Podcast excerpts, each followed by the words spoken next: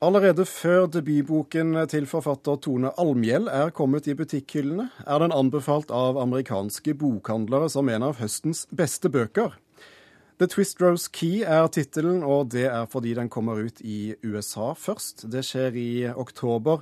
Den norske versjonen heter Vindeltorn og kommer i februar neste år. Tone Almhjell, velkommen til Kulturnytt. Tusen takk. Hvordan føles det å få slike anbefalinger allerede før boken er ute? Jo, det er jo det er fantastisk. Eh, litt skummelt, mest artig. Hva betyr det for deg å bli valgt ut eh, av dette da, de uavhengige bokhandlerne i, i USA som, eh, som, anbefaler høstens beste bøker? Ja, Det er en ganske vidunderlig følelse. For det betyr jo at jeg har nådd noen lesere. Eh, det her er ikke forlagsfolk som har satt og plukka ut og bestemt, eh, bestemt, seg for hva de skal satse på eller bruke penger på, men tvert imot lesere som har satt og kost seg med boka mi og funnet ut at de liker den spesielt godt. Så det er klart at eh, det er fantastisk. Det er en god følelse. Dette er en såkalt fantasybok for barn. Litt, litt, store barn, for så vidt. uten å røpe for mye, hva, hva handler det om? Jo, det her er en eh, fantasyhistorie som foregår i en verden eh, der eh, alle dyr som noensinne har elska et barn, lever videre når de er ferdig med jordelivet sitt. Og de vokter over barna de forlot gjennom store magiske speil. Og heltene i denne verden er kalt vindeltorner, eller twist roses på engelsk.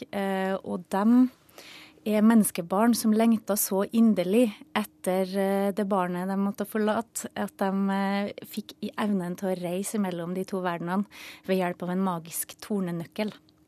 Mm. Og vår heltinne Lindelin Rosenquist på elleve år hun oppdager jo til sin store eh, overraskelse at hun er en slik vindeltorn. Og at den verden der eh, hennes gode venn Rufus nå lever videre, er i fryktelig fare. Og at det er opp til hun å redde dem alle sammen. Ryktene sier at, du, eh, at, ideen til boken kom på en kafé på Bakklandet i Trondheim. Hvor mye Trondheim og Norge og, og virkelighet er det i boken? Du, egentlig alt. Eh, fordi jeg begynte å skrive denne historien som en adventskalender til søstera mi. Eh, og jeg fylte med dyr og mennesker og steder og landskap som vi kjenner. Eh, alle dyr vi har eid, eh, gården der vi besøkte bestemor da vi var små, og vårt kjære Bakklandet som vi var så glad i, eh, der vi gikk på kafé hver dag etter jobb. Så egentlig alt. Det her er egentlig norsk. Hvorfor ble det fantasy? Jo, det har det egentlig alltid vært for meg. Jeg har alltid lengta etter leirbål og eventyr, som Astrid Lindgren sa det. Ehm, jeg leste 'Ringenes herre' da jeg var elleve år, og det var en helt uh, fantastisk leseropplevelse. Jeg ante ikke at det kunne føles slik. Og etter det så har jeg på en måte alltid leita etter den neste gode fantasyopplevelsen. Så, og jeg har studert det, og jeg har snakka om det ved enhver anledning, så det er rett og slett det jeg liker å lese sjøl. Ja, du har sågar uh, hovedfag i 'Ringenes herre'? Ja, det stemmer det. Jeg har skrevet om skjebne og fri vilje i 'Ringenes herre'. Hvordan har det seg at boken først eh, kommer ut i uh, USA før den kommer på norsk? Jo, altså Da jeg begynte å skrive denne boka, så var jeg usikker på om jeg skulle skrive på engelsk, som er det språket jeg har lest på helt siden jeg var elleve år. Eh, og har studert på. Eh, eller om jeg skulle skrive på norsk, eh, som jo står mitt hjerte nær. Og jeg bestemte meg faktisk for norsk. Og jeg skrev den boka i fem år på norsk først. Men så fikk jeg et tips av en god venn som hadde tatt et litt sånn sideveis sprang inn i forlagsbransjen. Thomas Ingebrigtsen i Vendetta. Han, jeg fortalte hva den boka handla om i et middagsselskap. Og han eh, begynte å mumle og så veldig brysk ut, egentlig, så jeg tenkte oi, det gikk ikke særlig bra. Men eh, neste dag så ringte han jo til meg og sa at du, det her må du nesten prøve å gå til utlandet med. Så han overtalte meg til å skrive et sammendrag på engelsk og oversette et par kapittel. Eh, og det gjorde jeg. Eh, og samtidig så hadde jeg jo fått en god venn i USA som er forfatter. Laney Taylor heter hun. Eh, og hun skulle lese korrektur for meg på de her kapitlene.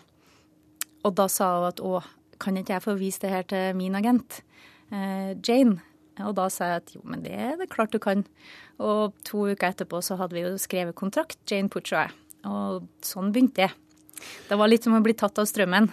Rett og slett en, en, en dose flaks og tilfeldigheter, dette? Absolutt en rekke veldig heldige omstendigheter for min del.